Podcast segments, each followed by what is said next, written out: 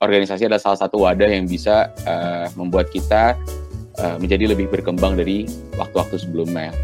Yang kedua, ya kalian harus banyak-banyak bersosialisasi karena ujung-ujungnya menurut aku ya berdasarkan pengalaman setelah menjadi ketua BEM juga hal terpenting itu bagaimana kita bisa menjaga relasi sih itu paling penting.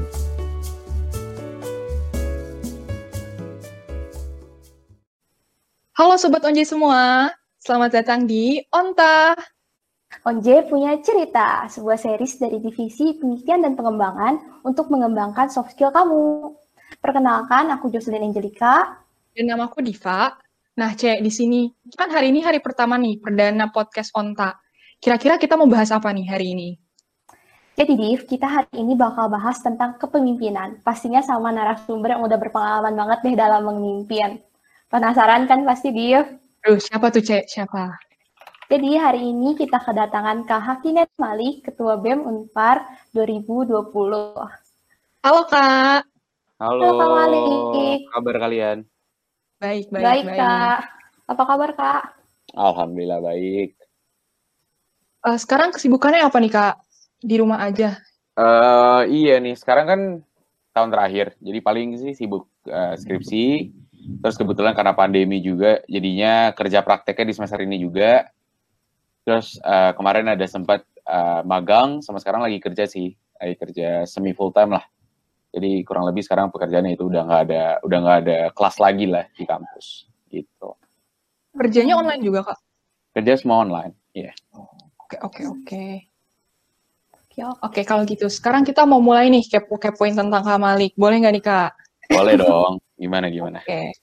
Nih, seperti yang kita semua tahu nih, Kak Malik ini kan pernah jadi Ketua BEM Unpar 2020 nih, Kak. Kakak juga katanya nih aktif di Proker HMPSTI. Katanya. Nah, uh, enggak, enggak. Kayaknya sih. Kayaknya emang iya nggak sih, Kak? Divalidasi boleh, Kak.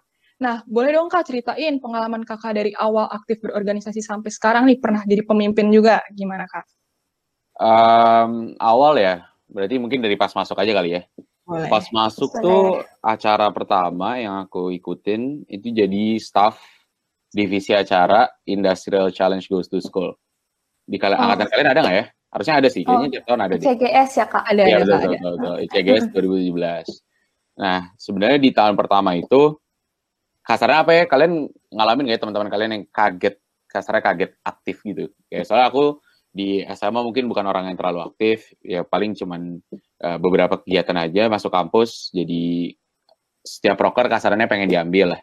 Emang betul tadi kata Diva, aku justru tahun pertama itu uh, justru aktifnya di kegiatan atau acara himpunan.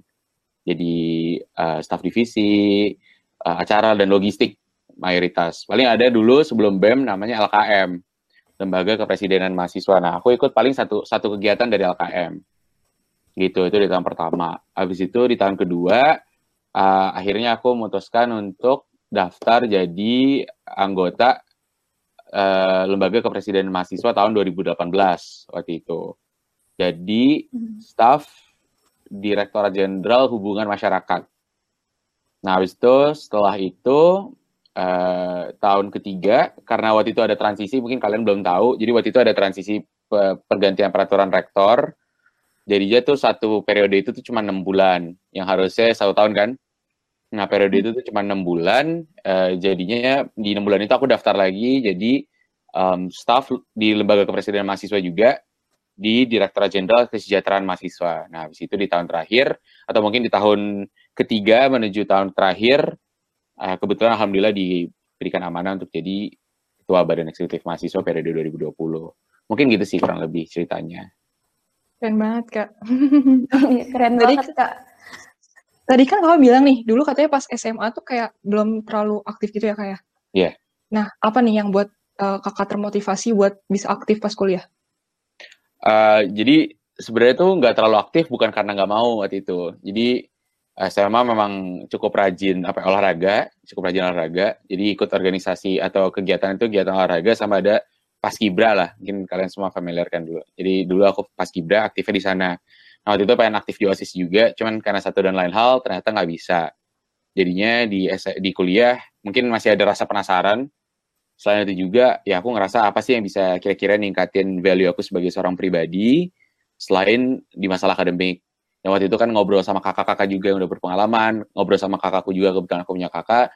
Organisasi adalah salah satu wadah yang bisa uh, membuat kita uh, menjadi lebih berkembang dari waktu-waktu sebelumnya. Jadi akhirnya karena itu, karena alasan itu memutuskan untuk coba deh gitu. Awalnya sih sebenarnya nggak nggak ada nggak ada keinginan untuk atau nggak ada kepikiran untuk lebih gitu loh. Misalnya even nggak kepikiran lah menjadi sebuah seorang ketua dari satu lembaga atau mungkin ketua kegiatan tuh nggak kepikiran. Cuman karena rasa penasaran, belajar, banyak ngobrol lah, kasar banyak ngobrol dari satu sama lain, jadinya termotivasi lah. Jadi jadi kayaknya seru nih gitu untuk untuk untuk mewarnai lah kasarnya untuk mewarnai masa-masa jadi mahasiswa gitu sih.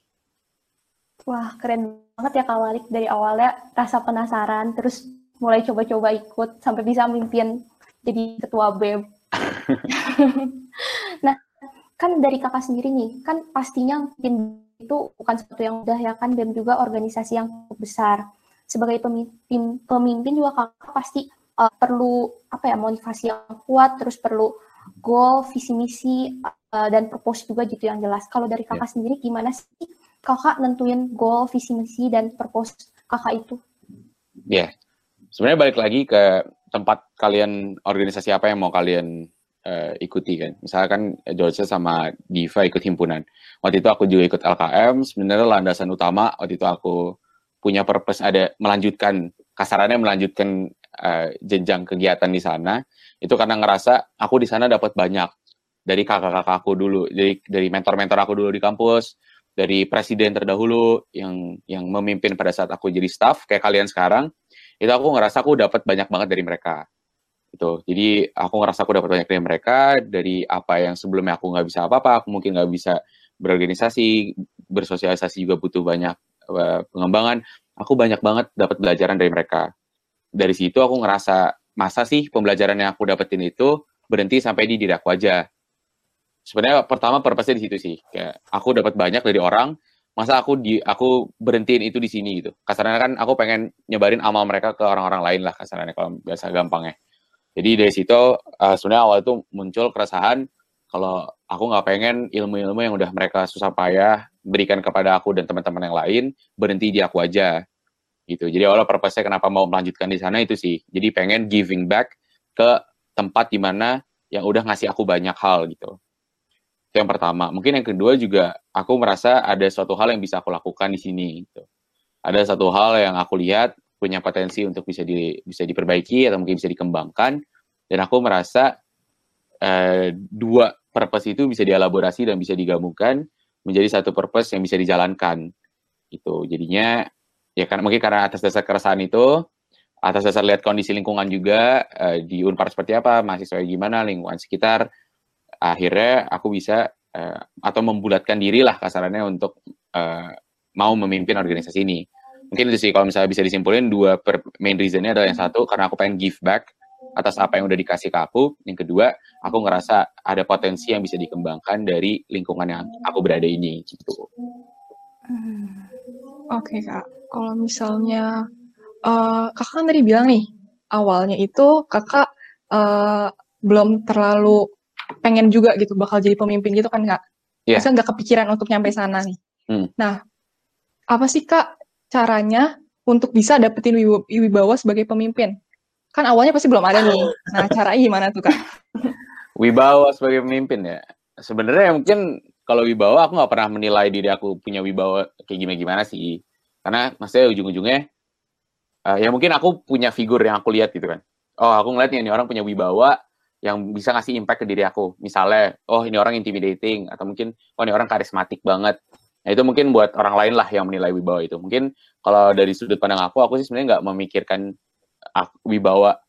Uh, aku nggak mikirin orang lihat aku kayak gimana.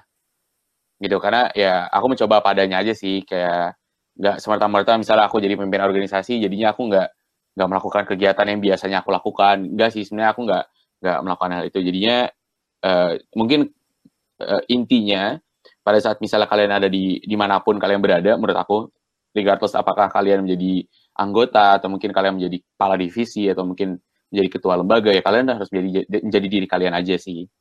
Karena wibawa itu menurut aku itu bukan suatu hal yang dibuat-buat. Karena kalau dibuat-buat wibawa itu juga terlihat dibuat-buat. Terus sebenarnya wibawa yang terlihat dari seseorang itu adalah ya orang itu sendiri gitu. Jadi sebenarnya dan itu menurut aku nggak terlalu penting juga sih.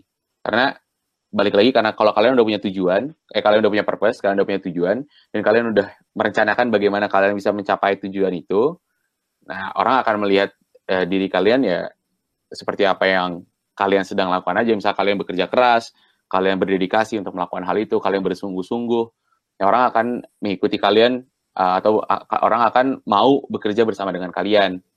Jadi bukan berarti kalian harus merubah diri kalian untuk menunjukkan wibawa, tapi yang terpenting adalah bagaimana kalian bisa uh, bekerja dengan hati, sungguh-sungguh, sehingga orang-orang di sekitar kalian itu merasa yakin untuk bekerja bersama dengan kalian. Gitu. Paling jadi kalau tadi ngomongin wibawa sih sebenarnya aku nggak terlalu pikirin ya. Misalnya kayak orang, masa aku tetap aja, aku jujur, jujur aja ya, masa jujur, aku tuh orang takilan gitu. Hmm. Orang takilan dan ya, maksudnya semenjak aku jadi kemarin semenjak uh, saat menjabat menjadi ketua BEM pun ya di depan anak-anak gitu ya, di depan anggota di sekretariatan dulu sebelum pandemi, ya aku masih petakilan aja. Maksudnya ngobrol-ngobrol ya ngobrol-ngobrol aja, nggak nggak tiba-tiba aku jadi jaim, jaga image dan lain sebagainya gitu. Karena aku ngerasa itu nggak penting. Gitu ya. Yang penting gimana cara kita mengeksekusi pekerjaan yang harusnya kita lakukan aja sih. Hmm, berarti pesannya mungkin jadi diri sendiri dan lakukan yang terbaik aja ya kak. Wah betul betul. Mantap banget sih. Mantap. Kak, kalau misalnya selain wibawa-wibawa gitu, Kak, biasanya kan harus yeah. kita punya soft skill ya? Maksudnya soft skill kayak hmm. komunikasi, habis yeah. kita juga harus bisa bekerja sama dengan tim yang baik gitu kan, Kak? Yeah. Nah, cara ngasahnya tuh gimana sih, Kak? Soalnya sekarang pun aku nih yang kayak ngomong-ngomong gini tuh sebenarnya masih gugup gitu, Kak. Apalagi jadi pemimpin kan, kayak masih jauh banget belum kepikiran. Menurut Kakak gimana caranya? Hmm, pengalaman aja sih. Karena gini, mungkin ini satu hal yang sering aku sampaikan ke teman-teman kalau misalnya ngobrol, di organisasi mahasiswa itu aku juga dapetinnya dari dari salah seorang kakak, kakak kelas aku lah dulu, kakak angkatan kita lah, sama kok di teknik industri juga. Kita itu di jadi mahasiswa, kita itu baru pertama kali menjadi sesuatu untuk pertama kalinya. Aku pun dulu uh, menjadi ketua BEM baru pertama kali, gitu. Kamu pun jadi staff ini semua pertama kali. Mungkin ke depannya kalian bakal jadi koordinator pertama kali juga, gitu. Untuk kalian mempersiapkan diri kalian untuk menjadi apa yang mungkin kasarannya kalau kalian ngomong secara struktural lebih tinggi lah ya. Jadi kan kalian ngomong misalnya anggota, kepala divisi jadi ketua, apa yang harus kalian uh, persiapkan atau gimana cara mencapainya ya pengalaman itu menurut aku pertama. Yang kedua ya kalian harus banyak-banyak bersosialisasi karena ujung-ujungnya menurut aku ya berdasarkan pengalaman setelah menjadi ketua BEM juga hal terpenting itu bagaimana kita bisa menjaga relasi sih itu paling penting terlepas dari misalnya apa sih dari World Economic Forum critical critical uh, critical thinking Eh, creativity, complex problem solving dan lain sebagainya itu penting, soft skill yang sangat penting. Tapi menurut aku ya, regardless apa pun itu tools, uh, pemikiran pola pemikiran yang ada di sana, yang paling penting itu gimana kalian bisa berelasi sih satu sama lain. Karena konteksnya kayak gini, kita pandemi, kita mengalami pandemi. Uh, kalian tetap bisa berpikir kritis, kalian tetap bisa berpikir kreatif di masa pandemi sekarang, tapi belum tentu kalian masih bisa menjaga relasi dengan orang-orang yang uh, yang seharusnya secara offline lebih gampang mungkin secara offline kalian aku dulu ngomongnya ini teori papasan gitu. jadi kalian bisa aja papasan sama teman kalian. Okay. eh makan bareng yuk ya eh makan bareng yuk. Terus tiba-tiba kalian ngobrol. Jadi kalian lebih in touch sama mereka. Atau mungkin kalian papasan mau ke mana mau ke kelas? Oh lantai berapa? Lantai dua. Oke kalian jalan bareng. Beli piscok bareng kalau kalian pernah ngalamin. Jadi eh, yang penting itu gimana kalian bisa menjaga relasi dengan satu sama lain. Dan di masa pandemi ini terlihat susah banget gitu.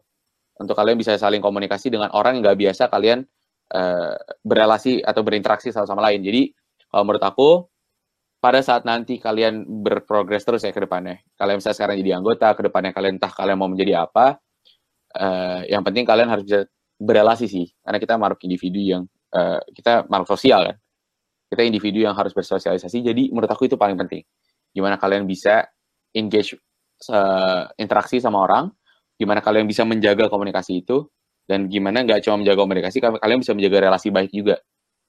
Itu menurut aku paling penting. Terlepas dari tools-tools lain kayak kompleks problem critical thinking itu penting. Tapi itu tanpa adanya relasi antar antar anggota atau atau atau kolaborasi antar sama sama, sama, sama lain uh, menurut aku itu nggak akan bisa membuahkan hasil yang optimal sih. Itu jadi mungkin kalau tadi mengenai soft skill itu sih menurut aku. Interpersonal gimana kalian uh, melatih komunikasi kalian, uh, beradaptasi dengan lingkungan-lingkungan seperti ini gitu. Tiba-tiba pandemi, kalian harus adaptasi kayak gimana? Awalnya kalian kalian masuk udah pandemi ya atau belum? Belum, belum. Tempat Kita offline. ya? sempat Kita off. 9 bulan. 9 bulan, Cek, kita Iya. offline. Iya. Mm-mm. Bayangin 2020 atau 2021 yang masuk-masuk Hmm. online gitu. Belum sempat interaksi satu sama lain gitu. Jadi kalau menurut aku itu sih hal paling penting. Atau mungkin pembelajaran paling penting yang aku alamin selama empat tahun kuliah dan berorganisasi. Aku setuju banget sih. Awalnya aku gak kepikiran loh Kak Hmm. tentang relasi ini. Tapi dipikir-pikir aku juga sama Diva gitu. Oh iya, Baru- benar. Baru banget kita tuh apa ya sering kerja bareng, Hmm. semuanya apa-apa bareng semenjak kita satu organisasi dan ini Iya. tuh online. Padahal Betul. sebelumnya kita kayak cuman ketemu sekali ya, Div.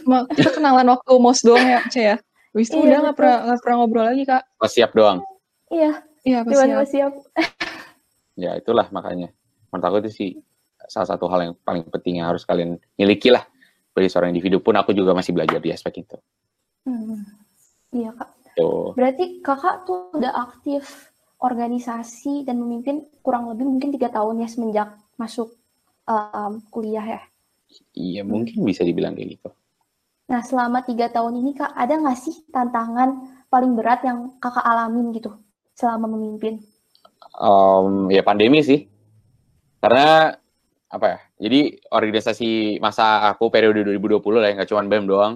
Semua organisasi di Unpar itu lagi masa kasarannya kita lagi berpikir atau udah mencoba berpikir untuk beradaptasi dengan perbedaan. Kalian tahu nggak sih kalau dulu tuh periodenya Juni ke Agustus lah atau Juni ke Juli lah gitu.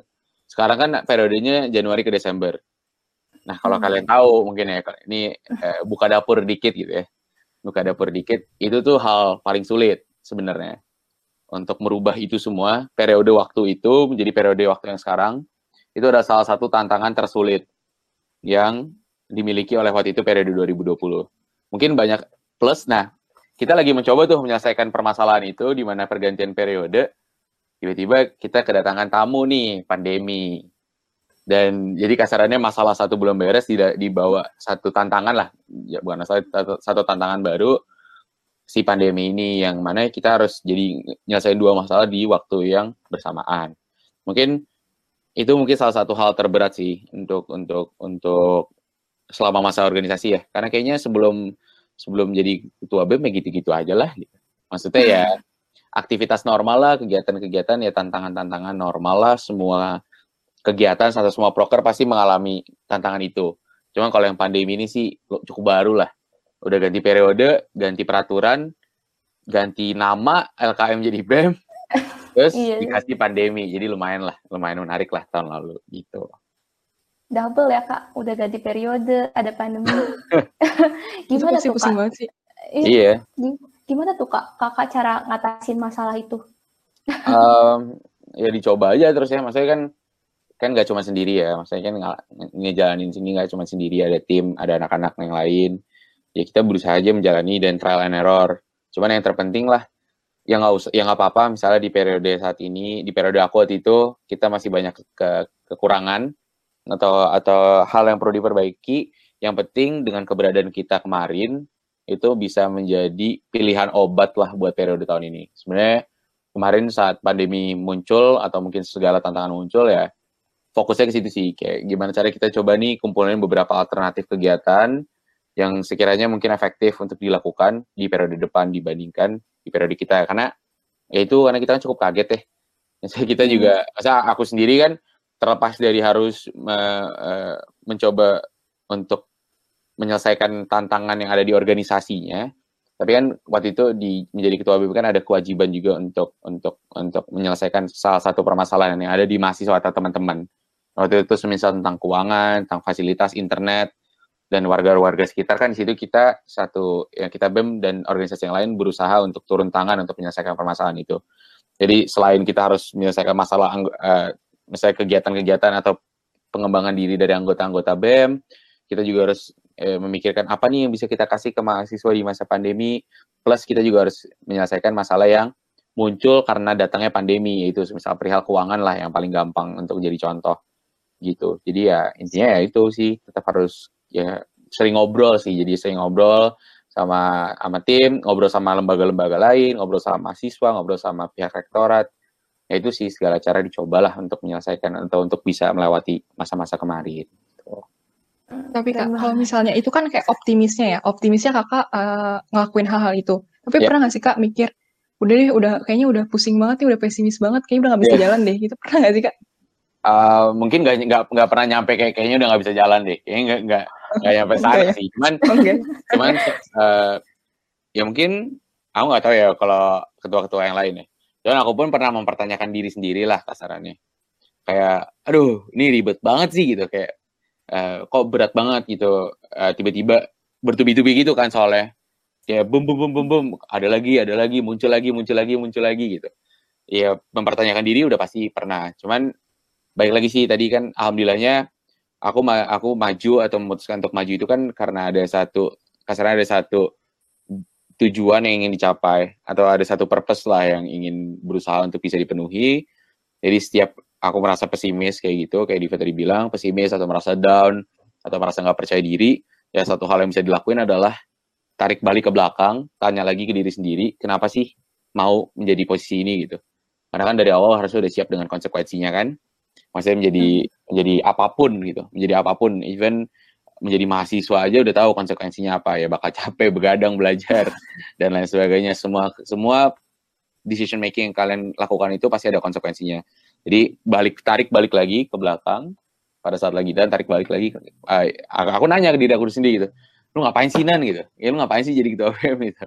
Ya akhirnya recall, recall lagi. Jadi recall lagi oh karena ini ini ini ini yang membuat semangat lagi sih kayak gitu. Pasti ada kok. Kalau aku sih ya menurut aku pasti ada sih.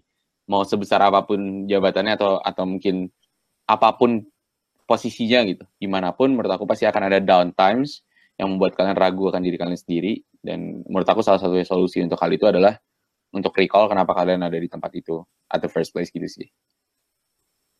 Itu keren banget kak.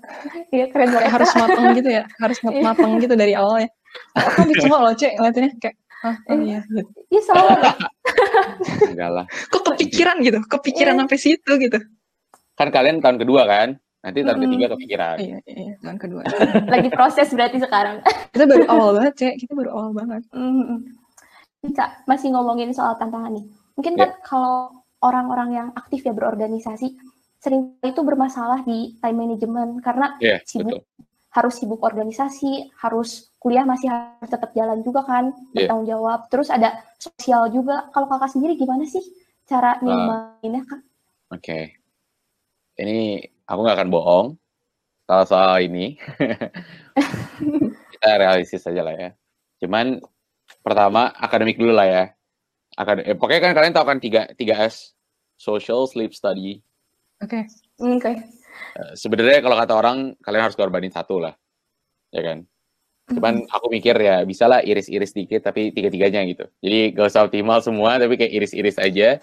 Nah pertama di study kalian harus punya orang bener-bener kalian percayai sih.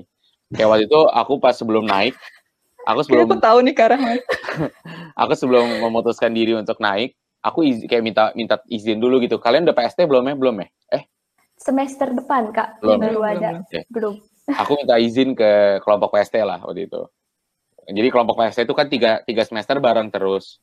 Aku minta izin kayak mau kayaknya gue mau naik gitu, mau minta tolong perhatiannya. Mungkin kalau kalian lagi nugas gue bisa nggak ada, tapi bagi tugas saja pasti gue kerjain gitu.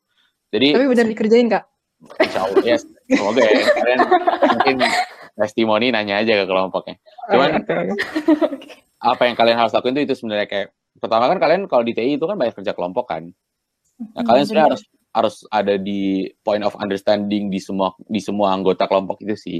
Karena jujur kalau lagi sibuk ya nggak enak sebenarnya. Kayak kita harus rapat ada kewajiban tapi mereka lagi nugas nih di kafe ini terus kayak aduh aduh gimana ya mau mau mau meninggalin kewajiban? Tapi di satu sisi ya udah deh akhirnya minta bagi tugas sisain tolong sisain malam gue pulang gue kerjain gitu. Pertama itu. Yang kedua ya kalian harus teman. Kalau aku ya aku dulu kalian aku nggak tahu kalian uh, tipikal orang yang belajar kayak gimana. Cuman aku tipikal orang yang uh, kalau belajar tuh enaknya dengerin orang belajar gitu. Jadi aku uh, senang dengerin orang belajar yang bikin aku bisa nangkep pembelajaran itu. Jadi ya emang jadinya ngerepotin sih. Jadi minta tolong ke teman-teman kayak eh nanti malam ke sini nanti diajarin sama dia. Atau enggak dia lagi belajar aku nimbrung aja dengerin mereka belajar gitu. Jadi yang pertama untuk masalah study, ya menurut aku kalian nggak akan bisa survive ini sendirian sih. Kalau misalnya kalian memang aktif mamp aktif banget, terus kalian pengen IP kalian tetap aman, ya menurut aku kalian nggak bisa menjalani ini sendirian. Jadi kalian harus punya orang-orang kepercayaan atau kalian harus punya support system di bidang itulah gitu. Kasarnya kayak hmm. gitu. Terus ya social ya jadi kalian bersosial karena kan berkegiatan organisasi kalian bersosialisasi juga kan. Emang aku hmm. kebetulan bukan orang yang memang main juga. Jadi ya main juga teman-teman di kosan itu. Jadi ramean kebetulan waktu itu aku ngontrak juga jadi teman-teman rame jadi nggak pernah terlalu merasa kekurangan akan hal itu sih. Karena kayak bangun pagi ada orang ada teman gitu. Jadi ya paling memang kalau pergi jadi nggak bisa atau jadi nggak ada luangan keluangan waktu untuk melakukan hal-hal yang biasa dilakuin di semester semester awal. Cuman ya itu pengorbanan yang harus dilakuin. Karena kan semakin banyak kegiatan yang sekalian yang kalian lakukan. Kalau sleep ya udah sebenarnya buang aja lah. Ya tidur sebisanya gitu. Karena nggak tidur 24 jam kayaknya pasti pernah ya. Maksudnya nggak aktif aja pasti pernah gitu. Nggak nggak karena di kita kayak di kita pasti pernah kayaknya. Cuman uh, ya waktu itu pasti kalian harus ngorbanin di aspek itu.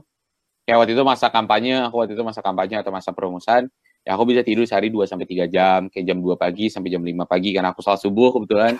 Jadi bangun jam segitu. Ya udah kayak gitu terus. Ya memang intinya menurut aku susah di, di konteksnya organisasi mahasiswa. Kenapa? Karena kehidupan orang-orang itu beda-beda pola hidupnya. Beda sama pekerjaan ya. Kalau misalnya aku dari pekerjaan, kita bisa ngomong kalau ya udah jam kerja itu jam uh, jam 8 sampai jam li, uh, jam 5, uh, jam 9 sampai jam 5 misalnya. Ya udah kita bisa produktif kerja di, di time frame itu, di time frame lain kita bisa bagi waktu lain. Cuma kalau di organisasi mahasiswa beda banget sih konteksnya, abstrak banget karena jadwal kuliah orang beda-beda kesibukan orang nggak bisa cuman gak, belum tentu kita bisa mengharapkan orang untuk berkegiatan cuman yang bareng kita aja. Mereka pasti punya banyak kegiatan lain. Jadi eh, hebatlah salut bagi orang-orang yang bisa ngebalancein itu semua. Tapi kayak mungkin nine times out of ten orang-orang itu pasti akan ada yang ada hal yang dikorbanin sih pasti. Entah itu tidurnya atau ya akademiknya mungkin atau ya dia nggak bersosialisasi mungkin sama teman-temannya gitu sih. Tapi ya hal terbaik yang bisa kalian lakuin itu adalah pertama prioritizing. Apa sih prioritas kalian di masa ini? Skala prioritas kalian apa aja? Kalian prioritasin itu. Kalian tentuin mana waktu yang paling dekat dari prioritas itu. Kalian kerjain yang prioritas paling tinggi dan waktu terdekat paling dulu. Kalian kerjain prioritas yang paling tinggi di waktu terlama setelahnya. Baru kalian lakuin. Kalian tahu gak sih frame time frame yang ada empat gitu? Aku lupa sih namanya. Jadi kalian ada kayak hmm Kalian pakai kalian ngerjain penting, ya betul betul. Yang penting oh, urgent. Iya tahu tahu. Gak penting urgent eh penting urgent, penting gak urgent, urgent gak penting dan gak penting gak urgent ya buang. Ya yang paling yang paling gampang sih kalian melakukan hal itu aja sih. Karena banyak hal yang gak penting dan gak urgent harus dibuang tapi kalian gak buang gitu. Kalau misalnya di aktivitas yang kalian lakuin selama masa organisasi gitu sih. Hmm, jujur aku juga masih struggle sih sama time management kadang. Yeah. Apalagi semenjak sekarang nih. Iya yeah, benar. Semenjak masuk himpunan jadi kayak duh pusing sama tugas sama praktikum kan banyak banget. Iya yeah, benar. bla bla bla. Betul. masuk jadi kayak duh. Ya. Cuman nikmatin aja lah. Kalian kan lagi aktif-aktifnya nih. Mumpung masih hmm. bisa.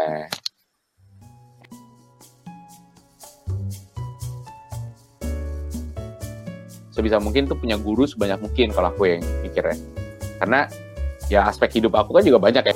Saya selama empat mungkin tiga setengah tahun berpengalaman ini ada dua kata kunci yang sebenarnya bisa membuat kita bertahan atau mungkin berhasil di seluruh kegiatan yang kita lakukan. Yang pertama itu komitmen, yang kedua itu konsistensi.